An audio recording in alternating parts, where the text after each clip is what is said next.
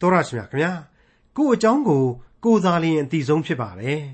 ကို့အကြောင်းကိုကို့ထက်ပိုပြီးသိတဲ့သူဆိုလို့တယောက်မှမရှိနိုင်ပါဘူးကိုလုတ်တဲ့အရာတွေတဲကကောင်းတာတွေမကောင်းတာတွေကိုလည်းကိုသာလျှင်အသိဆုံးဖြစ်ပါတယ်မကောင်းတာကိုခိုးကြောင်ခိုးဝဲလုံးမိခဲ့လို့တခြားသူတွေမသိပေမဲ့ကိုကတော့ကိုကိုကိုသိနေတယ်မဟုတ်ပါလားဒီအခါမျိုးမှာဘယ်လိုခံစားရပါသလဲမကောင်းတာလုပ်တာကိုဘယ်လို့မှမခံစားရဘူးဆိုတဲ့သူဟာ လူကောင်းတစ်ယောက်ဖြစ်နိုင်ပါမလားမကောင်းတာလုပ်မိခဲ့လို့ရင်ထဲမှာကြိတ်မိတ်ခံစားနေမိတဲ့သူမျိုးဟာဘယ်လိုလူမျိုးလဲဆိုတာကို တွေ့ရမှာဖြစ်တဲ့ခရိယန်တမန်ကျမ်းဓမ္မဟောင်းကျမ်းိုင်းတွေက32ခုမြောက်သောဆာလံကျမ်းကိုဒီကနေ့သင်သိရသောတမန်ကျမ်းအစီအစဉ်မှာလေ့လာမှာဖြစ်ပါတယ်စစ်မှန်တဲ့နောင်တနဲ့ခွင့်လွတ်ဖို့ပြောနေတဲ့သူတူကိုခွင့်လွတ်ထိုက်ပါသလားနောင်တအားဖြင့်ခွင့်လွတ်ခြင်းကျေးဇူးတော်ကို ခံစားတွေ့ထရမယ်ဆိုတာကို ဖော်ပြထားတဲ့32ခုမြောက်သောစာလံကျမ်းကိုဒေါက်တာထွန်းမြတ်ရေးကအခုလိုလေ့လာတင်ပြมาဖြစ်ပါတယ်ဒီကနေ့ကျွန်တော်တို့ဆက်လက်လေ့လာဖို့ရှိနေတာကတော့32ခုမြောက်သောစာလံကျမ်းပဲဖြစ်ပါတယ်ဒီကျမ်းကြီးကိုဟေဘရဲဘာသာအားဖြင့်ခေါင်းစဉ်ထိုးထားတာကတော့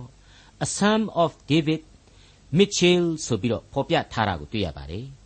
မြန်မာအဖို့ကတော့ဒီခေါင်းစဉ်ကိုဆရာကြီးယူဒတန်ဖော်ပြမထားပါဘူး Mitchell ဆိုတာဟာလမ်းညွှန်ခြင်းသိနာလေခြင်းသိကျွမ်းခြင်းဆိုတဲ့အင်္ဂလိပ်ဝေါ်ဟာရအဖြစ် understanding ဆိုတဲ့သဘောတရားမျိုးကိုဖော်ပြထားတဲ့ဝေါ်ဟာရဖြစ်ပါတယ်ဒီလို Mitchell ဆိုတဲ့ဝေါ်ဟာရအဖြစ်ဒီနဖူးစည်းအောက်ကအကြောင်းတရားတို့ဟာပြစ္ဆခကာလပြစ္ဆုတ်ပံကာလတို့အတွက်မဟုတ်ဘူးအနာဂတ်သဘောဖြစ်တယ်ဆိုတာကိုပို့ပြီးတော့သိသာစွာရည်ညွှန်းဖော်ပြနေတယ်လို့ပဲရှိပါတယ်အခုအနာဂတ်ဆိုင်ရာကျမ်းစာမျိုးကိုလေ့လာရမှာ စာလုံးတွေပေါ်မှာကြီးပဲကျွန်တော်တို့အနေနဲ့အာယုံမစိုက်ကြပဲနဲ့စိတ်ဝိညာဉ်ရဲ့ဝင်စားမှုအထူးလိုအပ်လိမ့်မယ်လို့ကျွန်တော်ဆိုချင်ပါတယ်ပြီးခဲ့တဲ့သင်ခန်းစာမှာလည်းကျွန်တော်ဒါကိုအခိုင်အမာပြောခဲ့ပြီးသားဖြစ်ပါတယ်ကာယအားဝိညာဏအားနှစ်ပါးစလုံးကိုနားဆင်သူတို့ကသုံးရမယ်ကျွန်တော်တို့ကလည်းသုံးဆွဲပြီးမှအတိတ်ပဲပြန်ဆိုရမယ်တနည်းအားဖြင့်လူဘိန်းစကားနဲ့ပြောမယ်ဆိုရင်တော့အုံနောက်အစာခံရမယ်လို့ကျွန်တော်အနေနဲ့ခံယူမိပါတယ်ဒီ miss chill ဆိုတဲ့လမ်းညွှန်မှု သိနာလေမှုတို့နဲ့ပတ်သက်ပြီးတော့အနာဂတ်နဲ့ဆိုင်တယ်ဆိုတော့ဘု து အနာဂတ်လေလို့မေးလာရင်အဓိကဆာလံဆရာရည်စူးတာကတော့သူ့လူမျိုးနဲ့သူ့နိုင်ငံဣသရီလအတွက်ပါပဲသူ့ရဲ့သဘောတဘာဝတရားကိုပမာဆောင်ရမယ်ဆိုရင်ဒံယေလအနာဂတိကျမ်းထဲမှာ miss chill လို့ခေါ်တဲ့နားလေစီဖို့လိုအပ်ချက်တွေးကိုအတော်များများတွေ့ရခြင်းအတော်များများလေ့လာသိရှိရခြင်းပဲဖြစ်ပါတယ်ဒံယေလအနာဂတိကျမ်းထဲကအခန်းကြီး7အငယ်33မှာ လူစုထဲမှာပညာရှိသောသူတို့သည် အများသောသူတို့ကိုတွင်တင်လိမ့်မည်ဓာနှင့်ကွမျက်ခြင်းမိရှို့ခြင်းသိမ့်သွားချုပ်ထားခြင်းလူရဲ့ခြင်းအဖြစ်အင်တန်ကာလပတ်လုံးလဲကြလိမ့်မည်အဲ့ဒီလိုဖော်ပြထားတာဟာအဲ့ဒီပညာရှိသောလူဆိုတာကို mischill လို့ခေါ်တဲ့အသိတရားရှိနှင့်သူများဆိုပြီးတော့ဖော်ပြထားတာတွေ့ရတယ်လို့သူတို့မှတဆင့်လဲလူများကိုထပ်ဆင့်သိနာလေစေမယ်ဆိုတဲ့သဘောမျိုးဆောင်တာကိုတွေ့ရပါတယ် တခါအငယ်35ကျတော့ဆက်ပြီးတော့အမှုဆုံးရသည်ကာလတိုင်အောင်ပညာရှိသောသူအချို့တို့သည်လေစုံစမ်းခြင်းကိုခံ၍တန်ရှင်းဖြူစင်ရမည်အကြောင်းလဲကြလိမ့်မည်ထိုအမှုသည်ချင်းချက်သောကာလတိုင်အောင်ဖြစ်သည်လို့တွေ့ရပြန်တော့ဒီအပိုင်းမှာလေပညာရှိသောလူဆိုတာဟာတခြားမဟုတ်ပါဘူး Miss Chill နှင့်ပြည့်စုံသောလူများပဲဆိုပြီးတော့ဆက်လက်ပြီးတော့လေ့လာတွေ့ရှိရပါတယ်ဒီလိုမယိုးမဆွဲပါပဲဒံယေလအနာဂတိကျမ်းအခန်းကြီး7ရဲ့အငယ်3နဲ့10တို့မှာ Miss Chill ခေါ်နားလေတက်ကျွန်းသူများအကြောင်းကိုအခုလိုဆက်ဆက်ပြီးတွေ့မြင်နိုင်ပါတယ်ပညာရှိသောသူတို့သည်ကောင်းကင်မျက်နှာကျက်ဤအယောင်အဝါကဲ့သို့၎င်းလူအများတို့ကိုဖြောက်မှတ်ခြင်းတရားလမ်းတဲ့သို့သွင်းသောသူတို့သည်လေကြယ်များကဲ့သို့၎င်းအစဉ်အမြဲထွန်းလင်းကြလိမ့်မည်အဲ့ဒီလိုအငယ်3ကဆိုထားတယ်လို့အငယ်30ကြပြန်တော့လူအများတို့သည်တန်ရှင်းဖြူစင်ခြင်းသို့ရောက်၍စုံစမ်းခြင်းကိုခံရကြလိမ့်မည်မတရားသောသူတို့သည်မတရားသဖြင့်ပြု၍တယောက်မျှနားမလဲရ ပညာရှိသောသူတို့မူကားနားလေကြလိမ့်မည်အဲ့ဒီလိုဆက်လက်တွေ့ရခြင်းမှာဒီအချက်တွေဟာလူတို့အတွက်အသိတရားများရှိလာအောင် Miss Chill သို့မဟုတ်လမ်းညွှန်ချက်များကိုအသိဉာဏ်ပညာရှိသူများကနေတဆင့်ဖြန့်ဝေပေးရတယ်ဆိုတဲ့ကြိုတင်ဗျာဒိတ်ပြုမှုစကားတွေကြီးပဲဖြစ်ပါတယ်ဒါနဲ့ပတ်သက်ပြီးတော့ကတ်ကာလအနာဂတ်ကိုခရစ်တော်ကိုယ်တိုင်ဖော်ပြခဲ့တဲ့နေရာမှာလေအဲ့ဒီလိုသိနာလေစေခြင်းရှိရမယ်ဆိုတဲ့ Miss Chill ခေါ်ဝေါ်ဟာရာကိုသုံးဆွဲဖော်ပြထားတာကို ဟေပြဲမူရင်းအရာတွေ့နိုင်တာရှိပါသေးတယ်ရှင်မသက်ခရစ်ဝင်ကျမ်းအခန်းကြီး24အငယ်15မှာထို့ကြောင့်ပရောဖက်ဒံယေလဟောသည့်အတိုင်းဖြစ်စည်းတတ်သောယွန်ရှာပွဲအရာသည်တန်ရှင်းရာဌာန၌စိုက်နေသည်ကိုသင်တို့သည်မြင်ရလျင်ကျမ်းစာကိုကြည်သောသူသည်နားလည်ပါစေအဲ့ဒီလိုတွေ့ရခြင်းဖြစ်ပါလေဖြစ်စည်းတတ်သောယွန်ရှာပွဲအရာသည်တန်ရှင်းရာအရ၌စိုက်နေသည်ကိုမြင်ရလျင်ဆိုတဲ့အထက်ကဖြစ်စည်းတတ်သောယွန်ရှာပွဲအရာဆိုတာဟာ abomination of desolation ဆိုပြီးတော့အင်္ဂလိပ်ဝေါ်ဟာရအရာတွေ့မြင်ရပါတယ်။တန်ရှင်းရာယေရုရှလင်မြို့တော်ကိုဗဟိုပြုပြီးတော့တန်ရှင်းသောဘုရားသခင်ရဲ့ဗိမှန်တော်ကြီးထဲမှာအဲ့ဒီလိုအလွန်ဆက်ဆုပ်ယွန်ရှာပွဲအရာကြီးတစ်ခုကနေပြီးတော့လာပြီးတော့စူးစိုက်နေတာကိုကျွန်တော်တို့တွေ့ရလိမ့်မယ်ဆိုတာကိုကြိုတင်ပြရိတ်ပြုခြင်းဖြစ်ပါတယ်။ဒါဘယ်လိုအရာလဲဘာလဲညာလဲကျွန်တော်တော့ဘာမှအတိအကျမသိပါဘူး။ဒါဝန်ခံရမှာပါ။သိကျင်တဲ့အတွက်လဲကျွန်တော်ဟာသုတေသီပညာရှင်တွေရဲ့စာရီအတော်များများကိုလိုက်ပြီးတော့ လှန်လှောရှာဖွေကြည့်မိပါတယ်ဘသူကမှဟုတ်တိပတ္တိရှင်းမပြနိုင်တာကိုပဲကျွန်တော်တွေ့ရပါတယ်နောက်ဆုံးကြတော့မှကျွန်တော်ပြက်ပြက်သားသားဆုံးဖြတ်လိုက်မိတာကတော့အဲ့ဒီကက်ကာလအတွက်အင်မတန်အရေးကြီးတဲ့ဖြက်စီးတတ်သောယွန်ရှာပွဲအရာကြီးလာပြီးစိုက်နေတာကိုကျွန်တော်တို့တွေကမျှော်မနေကြဘဲနဲ့ကယ်တင်ရှင်သခင်ခရစ်တော်ဒုတိယအကြိမ်ကြွလာတော်မူခြင်းကိုသာစောင့်မျှော်ဖို့လိုလိမ့်မယ်ဆိုတဲ့အဓိကပို့ပြီးအရေးကြီးတဲ့အချက်ကိုနားလေခံယူဖို့အတွက်ပဲဆိုတဲ့အချက်ဖြစ်ပါတယ် ဗျာဒိတ်ကျမ်းကိုရောက်လာရင်အခန်းကြီး6ကနေ18အတွင်းမှာဒုက္ခဆင်းရဲခြင်းခံရကပ်ကာလသို့မဟုတ် tribulation period နဲ့ပတ်သက်ပြီးတော့ကျွန်တော်တို့အကျယ်တဝင့်တွေ့ရမှာတွေအများကြီးရှိပါတယ်အဲ့ဒီထက်အခန်းကြီး73မှာဆိုရင်သားရဲကြီးနှစ်ကောင်နဲ့ကပအာနာရှင်ကြီးပေါ်ထွက်မယ်ဆိုတာကိုရှင်းပြထားတာကျွန်တော်တို့တွေ့ရပါတယ်အဲ့ဒီကျမ်းရဲ့ဏိဂုံးအပိုက်မှာဤအရာ၌ပညာရှိဉာဏ်ရှိသောသူသည်သားရဲဤအရေးအတွက်ကိုရေးတွက်စေလူဤအရေးအတွက်ဖြစ်ဤ 666လဲဖြစ်၏ဆိုပြီးတော့တွေ့ရပါတယ်ဉာဏ်ရှိသောသူသည်ဆိုတာဟာအင်္ဂလိပ်က let him that have understanding ဆိုပြီးတော့ဖော်ပြထားပါတယ်ဒါဟာစောစောတုန်းကကျွန်တော်ရှင်းပြခဲ့တယ် mischill ရှိသောသူကိုဆိုလိုခြင်းဖြစ်ပါတယ်အဲ့ဒီလိုလူမျိုးအဖို့အတိတ်ပဲကိုဖော်နိုင်မယ်ဆိုတဲ့အတိတ်ပဲရှိပါတယ်ဆက်ပြီးတော့ပြောလိုက်တာကတော့666တဲ့666ပေါ့ဒီ6သုံးလုံးဟာဒီကနေ့သုတေသီလောကကျမ်းစာကိုလေ့လာသူတို့ကြားမှာ ဝေါဟာရနဲ့လိုက်အောင်ကို၆၆ခြားခြားကြီးဖြစ်နေစေတယ်လို့ကျွန်တော်ခံယူတယ်ဒီ6သုံးလုံးရဲ့6လှမ်းမှုကိုပဲစာပေအမှုပညာနယ်ပယ်တွေမှာလည်းအသုံးပြုတာတွေ့ရတယ်ရုပ်ရှင်လောကမှာလည်းတွေ့အသုံးပြုတာကိုတွေ့ရတယ်ဒီစာရမဏေ666တစိတ်ကြီးနဲ့လူတွေပေါ်လာတယ်ဆိုပြီးတော့လူတွေမကြောက်ကြောက်အောင်ဇက်လက်နေဆင်ပြီးရိုက်တဲ့ဟာတွေကျွန်တော်တွေ့ဘူးတယ်သူတို့ဒီလိုသုံးကြတယ်ဆိုတာကိုကျွန်တော်ကတွေ့ရတဲ့အခါမှာကိုကိုကိုတိတိကျအဖြေထုတ်ပေးနိုင်တယ်လို့ထင်ရတဲ့ 666သူတေပီကြီးတွေတယောက်မှတိတိကျကျအဖြေမပေးနိုင်ဘူးဆိုတာကတော့ရှင်းနေပါတယ်အဲ့ဒီထက်မှအသေးချာဆုံးကတော့ကျွန်တော်ရဲ့ကယ်တင်ရှင်ဟာသူ့ရဲ့လူမျိုးတော်ကိုကိုယ်တိုင်ထင်ရှားပြသမဲ့နေ့မှာမြင်ရမယ့်မြင်ကွင်းတစ်ခုသာဖြစ်တယ်လို့ကျွန်တော်တို့အဖြေပေးခြင်းပါတယ်အခုကျွန်တော်တို့ကိုစောင့်နေတဲ့ဆာလံ23ဟာအဲ့ဒီလိုအနာဂတ်ကာလအတွက်အသည့်တရားကိုဖြစ်စေမယ်လမ်းညွန်ဩဝါဒတစ်ခုကိုပေးသွားပါမယ်ကျွန်တော်ယုံကြည်သူခရိယန်များအတွက်ကတော့ပြစ္ဆက်ခကာလမှာ လိုက်လျှောက်နိုင်ဖို့ချက်ချင်းအကျိုးကျေးဇူးများကိုသာလက်တွေ့လေ့လာစီးပူးဖို့ပို့ပြီးတော့အရေးကြီးတယ်ဒီအချက်တွေဟာကျွန်တော်တို့အတွက်ပုံမထင်ရှားသိတာနေတယ်လို့ကျွန်တော်ဆိုချင်ပါတယ်နောက်တစ်ခုကျွန်တော်ရှင်းပြချင်တာကတော့အခု32ခုမြောက်သောဆာလံတီချင်းနဲ့ပတ်သက်ပြီးတော့ဒီဆာလံတီချင်းဟာဒါဝိမင်းကြီးရဲ့နောင်တနဲ့ဝန်ချတောင်းပန်ခြင်းဆာလံဖြစ်တယ်လို့သူတည်သူများကခံယူကြခြင်းဖြစ်ပါတယ်ကျွန်တော်သင်သိရသောတမန်ကျမ်းအဖွဲ့ကတော့50ခုမြောက်သောဆာလံမှာနောင်တနဲ့ဝန်ချတောင်းပန်ခြင်းအဖြစ် ပြည်ပြင်းစွာတွေ့ရမယ်အခု32ခုမြောက်သောဆာလံမှာတော့နောင်တအားဖြင့်ခွင့်လွှတ်ခြင်းကျေးဇူးတော်ကိုခန်းစားထိတွေ့ရမယ်လို့ကျွန်တော်တို့ပို့ပြီးတော့ဆိုချင်ပါတယ်51ခုမြောက်သောဆာလံရဲ့အငယ်7နဲ့73ကိုကြည့်ရင်ကဲတင်တော်မူခြင်းနှင့်ရှင်သောဝမ်းမြောက်ခြင်းအခွင့်ကိုပြန်၍ပေးသနာတော်မူပါကြည်ညိုသောစေတနာစိတ်တော်သည်အကျွန်ုပ်ကိုထောက်မပါစေသောအကျွန်ုပ်သည်လည်းမတရားသောသူတို့အားတရားတော်လမ်းကိုပြတ်သသွန်သင်ပါမည် အပြစ်ရှိသောသူတို့သည်ကိုတော်ထံသို့ပြန်ကြပါလိမ့်မည်အဲ့ဒီလိုဆိုပြီးတော့ဝန်ချတောင်းပန်ခြင်းနဲ့အတူဂရိသစ္စာတစ်ခုကိုဒါဝိဒ်မင်းကြီးပေးခဲ့ပါတယ်အဲ့ဒီဂရိသဂရိသစ္စာနဲ့အညီအခု32ခုမြောက်သောဆာလံတီချင်းဟာသူ့ရဲ့အပြစ်များမှကဲတင်ခြင်းခံရတဲ့အတွေ့သူကိုယ်တိုင်သက်သေခံလိုက်သောဆာလံဖျားသခင်ရဲ့တရားတော်လမ်းကိုဖော်ပြသွန်သင်ပေးလိုက်သောဆာလံလို့ကျွန်တော်တို့ဆိုကြပါတယ်ဒါကြောင့်ဒီဆာလံရဲ့ခေါင်းစဉ်ကတော့ a psalm of david Mitchell သို့မဟုတ်အသိဉာဏ်ပညာရှိစေရန်လမ်းညွှန်သောဒါဝိဒ်၏ဆာလံလို့ကျွန်တော်ကိုဘာသာပြန်ဆိုဖော်ပြခွင့်ပြုပါ32ခုမြောက်သောဆာလံအငယ်1နဲ့2အပြစ်မှလွတ်ခြင်းဒုစရိုက်အပြစ်ကိုဖုံးအုပ်ခြင်းသို့ရောက်သောသူသည်မင်္ဂလာရှိ၏ထာဝရဘုရားအပြစ်တင်တော်မူခြင်းနှင့်လွတ်၍လှည့်စားတတ်သောစိတ်တော်နှင့်ကင်းစင်သောသူသည်မင်္ဂလာရှိ၏မိတ်ဆွေအပေါင်းတို့ ဒီလိုမင်္ဂလာရှိ၏ဆိုတဲ့အချက်ကိုပြန်ပြီးကြားရတဲ့အခါကျတော့ပထမမြောက်သောဆာလံကမင်္ဂလာရှိသောသူရဲ့အကြောင်းကိုသတိမရကြဘူးလား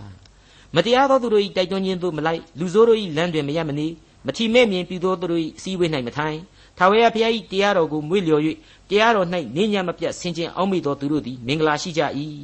အဲ့ဒီလိုဖော်ပြထားခဲ့တဲ့ဆာလံပေါ့အဲ့ဒီမင်္ဂလာရှိသောလူဆိုတာဟာခရစ်တော်ရဲ့ဘက်တော်သားတို့ကိုခြုံငုံခေါ်ဝေါ်ခြင်းဖြစ်တယ် အသက်လမ်းပေါ်ကိုတက်လှမ်းသူတို့ဖြစ်တယ်ဆိုတာကိုကျွန်တော်ရှင်းပြခဲ့ပြီးသားပါအမှန်တော့ခရစ်တော်ဘက်သားဆိုပြီးထည့်ပြောရတာကတော့သာမန်လူစွန့်ပကနဲ့အဲ့ဒီလောက်အထိမင်္ဂလာမျိုးကိုဘယ်သူမှမရှိနိုင်လို့ခရစ်တော်ကိုခေါင်းတက်လိုက်ရတာပဲဖြစ်ပါတယ်ဟုတ်ပါတယ်ဖြောင့်မတ်စုံလင်တဲ့ perfect man ဟာလောကမှာခရစ်တော်ကလွယ်ပြီးဘယ်သူမှမရှိပါဘူးကျွန်တော်ကများမင်းကကြမ်းနေဟောနေတဲ့ပုံကိုကြီးဆိုတော့အဲ့ဒီဆာလံတစ်ထဲကအတိုင်း တသွေမတိန်လိုက်နာနိုင်မှာပဲနော်မင်းလဲမင်္ဂလာရှိတဲ့လူကြီးပေါ့နော်ဆိုပြီးတော့များလာမေးရင်လေကျွန်တော်ကတော့ကို့အရေးအချင်းနဲ့ကိုဘယ်လို့မှမင်္ဂလာမရှိပါဘူးခမညာဆိုပြီးတော့ပဲခေါင်းကုန်ပြီးဖြေရမယ်ပြီးမှလက်ညှိုးလေးကိုကောင်းကင်ပေါ်ထိုးပြပြီးတော့မှကျွန်တော်မင်္ဂလာရှိသွားပါပြီခမညာဆိုပြီးခေါင်းညင်ဝန်ခံရလိမ့်မယ်အတိတ်ပဲကတော့ခရစ်တော်ဤကျေးဇူးတော်ကြောင့်သာလျှင်ဖြစ်နိုင်တယ်ဆိုတဲ့အချက်ပဲ တနည်းအားဖြင့်တော့ဆာလံအမှတ်စဉ်1ဟာကယ်တင်ရှင်သခင်ခရစ်တော်ရဲ့အသက်တာကိုဗဟိုပြုပြီးတော့ဗျာဒိတ်ပြုဖော်ပြခြင်းသာဖြစ်တယ်အခု32ခုမြောက်သောဆာလံဟာကယ်တင်ရှင်သခင်ခရစ်တော်အားဖြင့်ကယ်တင်ခြင်းကျေးဇူးကိုခံရသူရဲ့အကြောင်းကိုဖော်ပြခြင်းပဲလို့ကျွန်တော်သတ်မှတ်ပြရစီမိတ်ဆွေတော်တတ်ရှင်အပေါင်းတို့ခမညာ blessed ခေါ်မင်္ဂလာရှိသောလူဆိုတာကပျော်ရွှင်ဝမ်းမြောက်သောလူကိုဆိုလိုတာ happy man ပေါ့ ဆာလံမှာဆာလံတစ်မှာတွေ့ကြရတဲ့ဝမ်းမြောက်ရွှင်လန်းခြင်းဆိုတာဟာခရစ်တော်အားဖြင့်ခံစားရတဲ့မင်္ဂလာဖြစ်တယ်လို့အခု32ခုမြောက်သောဆာလံက blessed သို့မဟုတ်ကောင်းကြီးခံရခြင်းမင်္ဂလာခံရခြင်းဆိုတာလေဝမ်းမြောက်ရွှင်လန်းခြင်းနဲ့အတူတူပါပဲဒါဟာကယ်တင်ခြင်းဆုကျေးဇူးကိုခံရတဲ့သဘောတရားခရစ်တော်ရဲ့လူဘဝကိုတော့အမြဲအများဝမ်းမြောက်ပျော်ရွှင်ပွဲကောင်းလိမ့်မယ်လို့ကျွန်တော်တို့မခံယူနိုင်ပါဘူးဘာဖြစ်လို့ तू ဝမ်းမမြောက်နိုင်တယ်လဲဆိုတော့ကျွန်တော်အပြစ်တွေကိုယူတင်ဝတ်ဆောင်ပြီးတော့ ကျွန်တော်ဝမ်းမြောက်နိုင်ဖို့အတွက်ကိုစားကံအပြစ်စီရင်ခြင်းကိုခံရလို့ပဲဖြစ်ပါတယ်အထူးသဖြင့်သူ့ရဲ့အသေးခံတော်မူရာအချိန်ကာလဟာခါသီးလှစွာသောဝေဒနာပုံရိပ်တွေကိုသာတစ်ခုပြီးတစ်ခုဖော်ပြနေခဲ့ပါတယ်အဲ့ဒီအတိုင်းပါပဲသူ့ရဲ့ဖျားသခင်ရဲ့စွန့်ပစ်ခံရခြင်းသူ့ရဲ့အဝတ်ဗလာခြင်းအရှက်တကွဲအကျိုးနဲ့အသက်ခံရခြင်းရေငတ်ခံရခြင်းနာကျင်ခြင်းဆိုတာတွေဟာဒီကနေ့ကျွန်တော်တို့ကိုဖျားသခင်ကမစွန့်မပစ်ဖို့ ဖြောင့်မတ်ခြင်းတရားဝေယုံအဖြစ်အရှက်မကွဲစေဖို့နဲ့သာဝရအသက်ဆန်းရည်ကိုတောက်ရစေဖို့ပဲဖြစ်တယ်ဆိုတာကိုကျွန်တော်တို့နားလေသဘောပေါက်ဖို့အထူးပဲအရေးကြီးလာပါတယ်ယောမဩဝါဒစာအခန်းကြီး၄ရဲ့ဏိဂုံးမှာတမန်တော်ကြီးရှင်ပေါလုဖော်ပြလိုက်တာကတော့ထိုသခင်ယေရှုသည်ငါတို့အပြစ်ကြောင့်အနှံခြင်းကိုခံတော်မူ၏ငါတို့သည်ဖြောင့်မတ်ခြင်းသို့ရောက်မည်အကြောင်းထမြောက်တော်မူ၏ရှင်းမနေဘူးလားအခုအချိန်မှတော့အပြစ်ရိပ်အောက်ကဒါဝိဒ်မင်းကြီးတယောက် သူ့ကိုယ်ကိုသူအပြစ်မရှိသယောင်ယောင်ဘာယောင်ယောင်ဟန်ဆောင်ဖုံးကွယ်မိချိန်ကအရသာတွေကိုဖော်ပြလိုက်ပါတယ်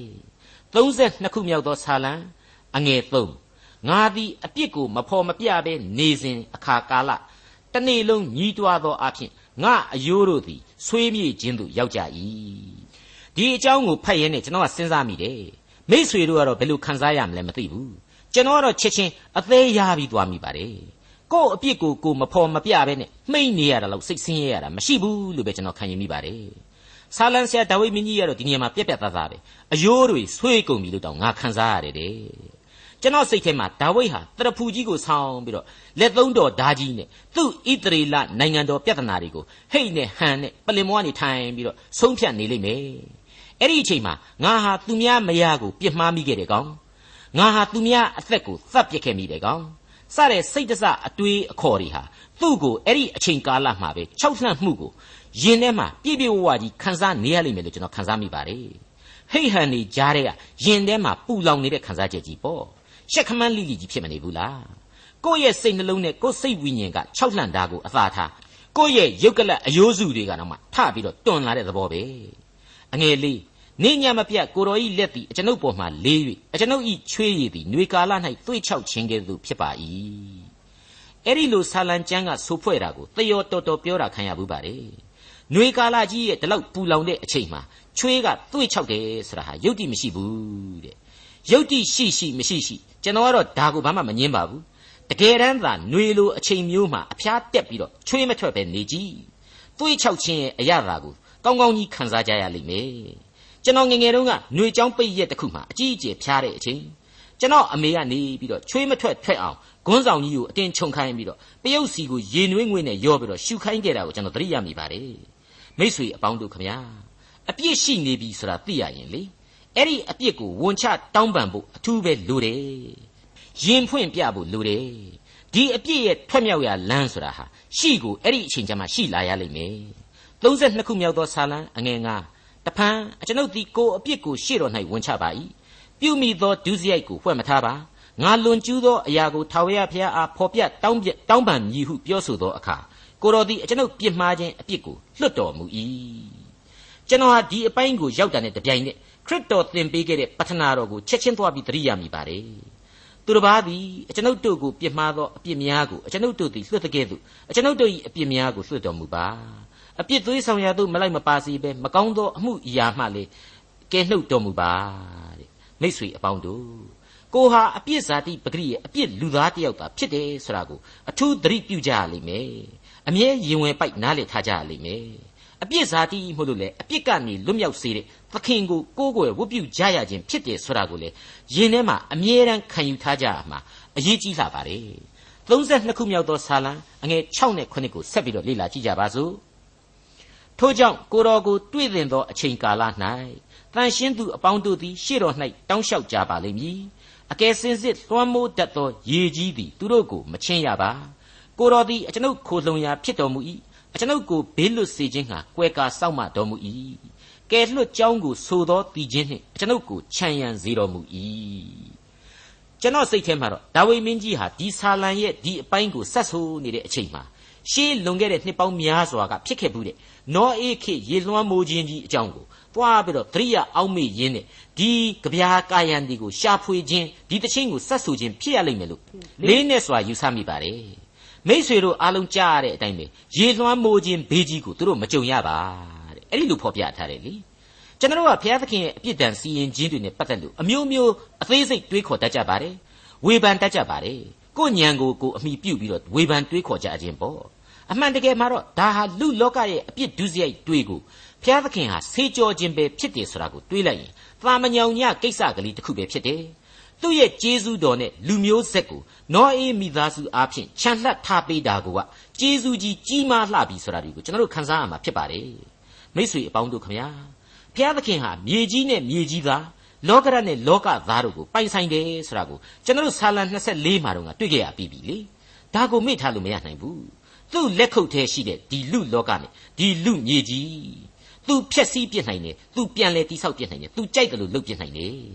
32ခုမြောက်သောဆာလံအငယ်8နဲ့9သင်ကိုငါသွန်သင်မည်သင်သွားရမည်လမ်းကိုငါပြညွှန်မည်သင်ကိုကြည့်ရှုပြုစုမည်ဉာဏ်ပညာမဲ့သောမြင်လာခဲ့သို့မဖြစ်စေနှင့်သူသည်သင်ထံသို့မချင်းကပ်သောကြောင့်ပါဇက်ကိုဇက်ခွန်၍ဇက်ကျိုးနှင့်ဆွဲရမည်ဒီအပိုင်းကတော့ဇဝနညံတော်နဲ့ဘုရားသခင်သိစီလိုက်တဲ့ဗျာဒိတ်တော်ပါပဲ ဟာသဆန်တဲ့ဖော်ပြချက်လို့လည်းခံယူမယ်ဆိုရင်ရနိုင်လိမ့်မယ်လို့ကျွန်တော်ခံယူပါတယ်ကျွန်တော်ယုံကြည်သူပေါင်းများစွာဟာအင်မတန်ညံ့ဖြစ်နေအတွေးအခေါ်အရှင်းမရှိကြဘူးအလိုက်ကန်းစိုးကလည်းမသိကြဘူးအဲ့ဒီလောက်အထိဖြင်းတဲ့ညံ့တဲ့ကျွန်တော်တို့ကိုဘုရားသခင်ဟာဇက်ခွန့်ပြီးတော့အတင်းဇက်ကျိုးနဲ့ဆွဲတယ်လို့ဆွဲရတယ်ဆိုတဲ့သဘောကိုဒီနေရာမှာဖော်ပြလိုက်ပါတယ်မိษွေအပေါင်းတို့ခမညာဘုရားသခင်ဖော်ပြတဲ့ဝိညာဉ်ရေးသဘောတရားတွေ ဘုရားသခင်သိစေခြင်းတဲ့အရာတွေဆိုတာဟာလူသားရဲ့သာမညဉာဏ်အုံနောက်နဲ့မမှီတတ်တာများပြီပဲတွေးခေါ်မျှော်မြင်မှုအဆင့်အတန်းရှိနိုင်မယ်ဆိုရင်ရှိနိုင်သလောက်အနှစ်သာရကိုထိတွေ့နိုင်လိမ့်မယ်လို့ကျွန်တော်ယူဆပါတယ်တွေးခေါ်မျှော်မြင်မှုဆိုတာကိုကျွန်တော်ကဒီနေရာမှာပြောတော့ဒါဟာ PhD ရတဲ့ဒေါက်တာကြီးတွေတို့လူအချင်းချင်းချီးမြှောက်လူအချင်းချင်းသိတိတင်ပြီးတော့ကြီးပွားတိုးတက်နေတဲ့အဘိဓမ္မာပညာရှင်ကြီးတွေတို့ အဲ့ဒီလိုပုံကိုကြီးတွေကိုသာတွေးခေါ်မျှော်မြင်မှုရှိတယ်လို့ကွက်ပြီးဆိုလိုခြင်းအရှင်းမဟုတ်ပါဘူးအဲ့ဒီလိုထိတ်တန်းပုံကိုကြီးတွေတွေးခေါ်မျှော်မြင်မှုတွေရဲ့အဲ့ဒီလောကဘွယ်တူဂုံတူးကြီးတွေကိုအထင်ကြီးတဲ့လူတွေရဲ့ကြောင့်ကဘာကြီးတစ်ခုလုံးသွက်သွက်လဲလမ်းမှနေတယ်ဆိုတာကိုကျွန်တော်တို့ဘယ်သူညင်းနိုင်လို့တော့ကျွန်တော်ဆိုခြင်းတဲ့တွေးခေါ်မျှော်မြင်မှုဆိုတာတခြားမဟုတ်ဘူးထာဝရဘုရားကိုကြောက်ရွံ့ခြင်းသဘောကို ပညာ၏အချုပ်အခြာဖြစ်၏ဆိုပြီးခံယူတဲ့ထာဝရဘုရားကိုကြောက်ရွံ့ယိုသေးတဲ့လူသားတွေကိုသာဆိုလိုပါတယ်။စာပညာမှာထိတ်တန်းဖြစ်ရမယ်လို့ကျွန်တော်မဆိုချင်ပါဘူး။ဒါပေမဲ့ဘုရားသခင်ကိုကြောက်ရွံ့ယူသေးတယ်ဘုရားသခင်ရဲ့ကျေးဇူးတော်ကိုနားလေတယ်ဘုရားသခင်သိစေခြင်းတဲ့လူကျင့်ဖို့ရဲ့လူစရိတ်တတို့ရဲ့နဲ့ပြည့်စုံတယ်ဆိုတဲ့လူမျိုးဆိုရင်စောင်းငါလိုဘွယ်လူဂုံတူးကြီးတွေရှိတဲ့လူတွေဆိုရင်ပို့ပြီးကောင်းတယ်လို့လည်းကျွန်တော်လက်ခံပါတယ်32ခုမြောက်သောဆာလံအငယ်30နဲ့7 မတရားသောသူသည်များစွာသောဒုက္ခကိုခံရ၏ထာဝရဘုရား၌ကိုးစားသောသူကိုကဂယုနာတော်သည်ဝန်းရံတတ်၏ဖြောင့်မတ်သောသူတို့ထာဝရဘုရား၌ဝမ်းမြောက်ရွှင်လန်းကြလော့ဖြောင့်မတ်သောသူတို့ရွှင်လန်းစွာတည်ခြင်းဆိုကြလော့မိษွေတော်တတ်ရှင်အပေါင်းတို့ခမညာဘလောက်ပဲပိုက်ဆံတွေရှိရှိဝယ်ရူးဂုံတူးကြီးတွေကိုဘလောက်ပဲအတွဲလိုက်ကြီးရထားထားဆွေကုံမျိုးကုံကြီးဘလောက်ပဲတောင့်တောင့် ဘုရားသခင်မရှိဟုထင်တဲ့လူမိုက်တို့ကျင်လေကျက်စားရအရက်မှာကျွန်တော်တော့အရှင်းမနေခြင်းဘူးဘာဖြစ်လို့လဲဆိုရင်အဲ့ဒီအရက်ဒေသတွေမှာများစွာသောဒုက္ခတွေရှိနေတယ်ကြောက်မဲ့ဖွယ်ငရဲလန်းရဲ့ညှော်နှံ့တွေနန်းနေတယ်ဆိုတာကိုကျွန်တော်တို့ဒီဆာလံအဖြစ်ကောင်းစွာခန်းစားထိတွေ့ရဖို့အတွက်ဒါဝိဒ်မင်းကြီးကျေးဇူးပြုလိုက်ပါပြီအဲ့ဒီလိုလောကအလှတွေတစားဆင်းနေရမြို့ပြကြီးကမာမာနတွေထူပြောနေတဲ့အရက်ဒေသတဲ့ပညာရမရှိ လူချမ်းသာရဲ့လို့လည်းမဆိုနိုင်တဲ့ယုံကြည်ခြင်းကြီးမှသူတောတောင်လေယာကနှိမ့်ချသောသူတွေပဲသူတို့ရဲ့ဗိမှန်တော်ငယ်ကလေးတွေရဲ့တရားအယတ်မှာပဲကျွန်တော်နေကြပါလေ။ဘာဖြစ်လို့လဲဆိုရင်ထာဝရဘုရား၌ကိုးစားသောသူတို့ကိုဂယုနာတော်ဟာဝန်းရံနေတယ်ဆိုတာကိုကျွန်တော်တို့ထပ်မံသိလာရလို့ပဲဖြစ်ပြန်ပါလေ။ဒါဟာဘုရားသခင်ကမျက်နှာလိုက်ခြင်းအရှင်းမဟုတ်ပါဘူး။ဘုရားသခင်ရဲ့မျက်နှာတော်အလင်းကိုမတူညီသောလူသားတို့ရဲ့စိတ်ဓာတ်များကရှာဖွေမှုချင်းမတူညီတဲ့အဖြေရလဒ်ပဲဖြစ်ပါတယ်။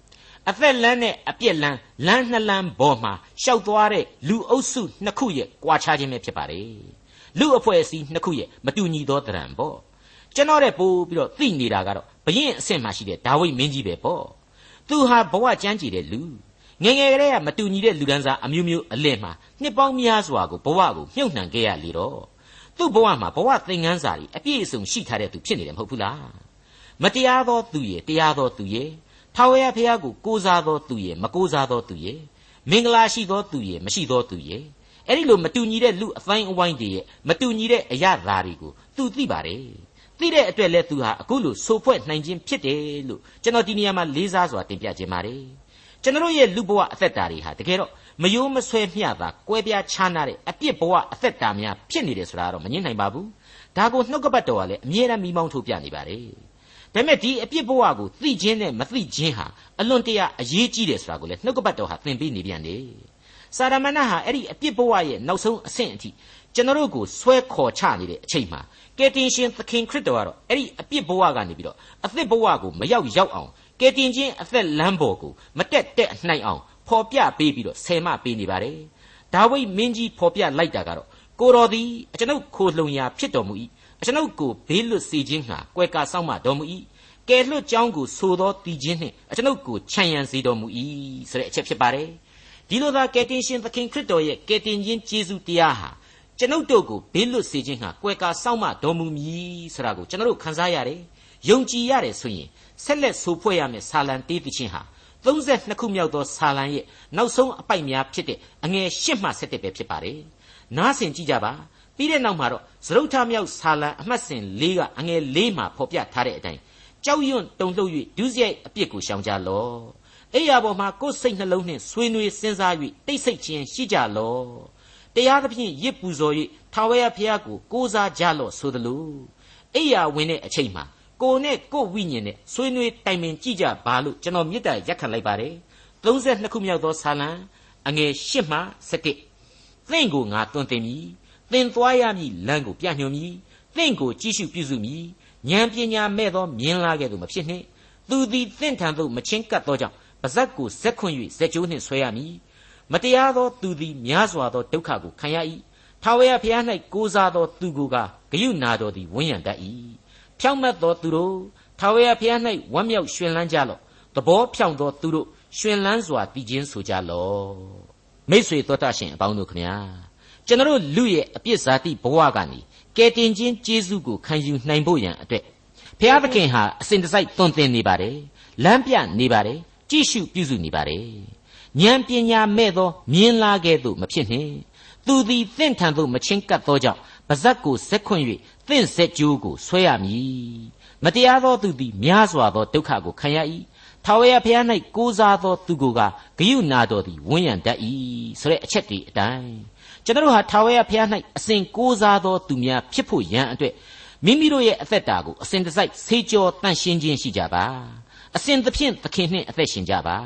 ဒီအခါမှာတော့ကယ်တင်ခြင်းကျေးဇူးတော်အားဖြင့်ကျွန်တော်ရဲ့ယုံကြည်ခြင်းအကျင့်ဟာကျွန်တော်ကိုဖြောင့်မတ်သောသူများဖြစ်လာစေပါလိမ့်မယ် ကျွန်တော်အတွက်ကောင်းကျင်အမွေကိုပေးပြီးတော့ထာဝရအသက်ဆုကျေးဇူးနဲ့ဘုရားသခင်ဟာကောင်းကြီးပေးလိမ့်မယ်ကျွန်တော်ဘဝအသက်တာကိုယခုရှင်သန်ရာမှာပင်လျှင်ကောင်းကြီးမင်္ဂလာမို့သွန်းဖြိုးပေးလိမ့်မယ်လို့ကျွန်တော်နားလည်မှုရှိကြပါဖြောင့်မတ်သောသူတို့ထာဝရဘုရား၌ဝမ်းမြောက်ရွှင်လန်းကြလော့သဘောဖြောင့်သောသူတို့ရွှင်လန်းစွာတည်ခြင်းဆိုကြလော့မိတ်ဆွေအပေါင်းတို့ခမညာ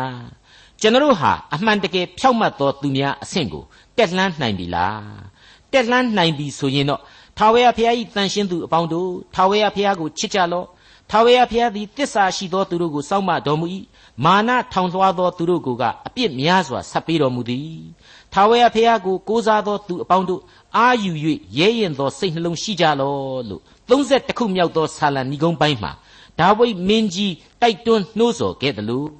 ကျွန်တော်ကိုချစ်တော်မူသောအဖဖျားသခင်အပေါ်မှာကျွန်တော်ဟာသူ့ရဲ့ချစ်ချင်းမေတ္တာနဲ့တပ်ပါရမျှတသောချစ်ချင်းကျေးဇူးကိုပြန်ပြီးတုံ့လှည့်ကြရမယ်။သူ့အပေါ်မှာထားရှိသောတစ္ဆာကိုကျွန်တော်စောင့်ကြရလိမ့်မယ်။ဒီအခါမှာတော့ဘုရားသခင်ပေးတော်မူသောကျေးဇူးတော်မြတ်များဟာကျွန်တော်အသက်တာကာလတစ်လျှောက်လုံးဝမ်းမြောက်ရွှင်လန်းချမ်းမြေ့ဖို့ရန်အစဉ်တစိုက်ကယ်တင်ခြင်းကျေးဇူးကိုပြုသွားမှာအသေးချာဖြစ်တဲ့အကြောင်းဒီကနေ့သင်ခန်းစာယူကြပါစို့ ဒေါက်တာထွန်းမြတ်ရေးစီစဉ်တင်ဆက်တဲ့တင်ပြရတော်တမချန်းအစီအစဉ်ဖြစ်ပါတယ်နောက်တစ်ချိန်အစီအစဉ်မှာခရိယန်တမချန်းဓမ္မဟောင်းကျမ်းပိုင်းမှာပါရှိတဲ့33ခုမြောက်သောဆာလံကျမ်းနဲ့34ခုမြောက်သောဆာလံကျမ်းတို့ကိုလေ့လာမှာဖြစ်တဲ့အတွက်စောင့်မျှော်နားဆင်နိုင်ပါတယ်။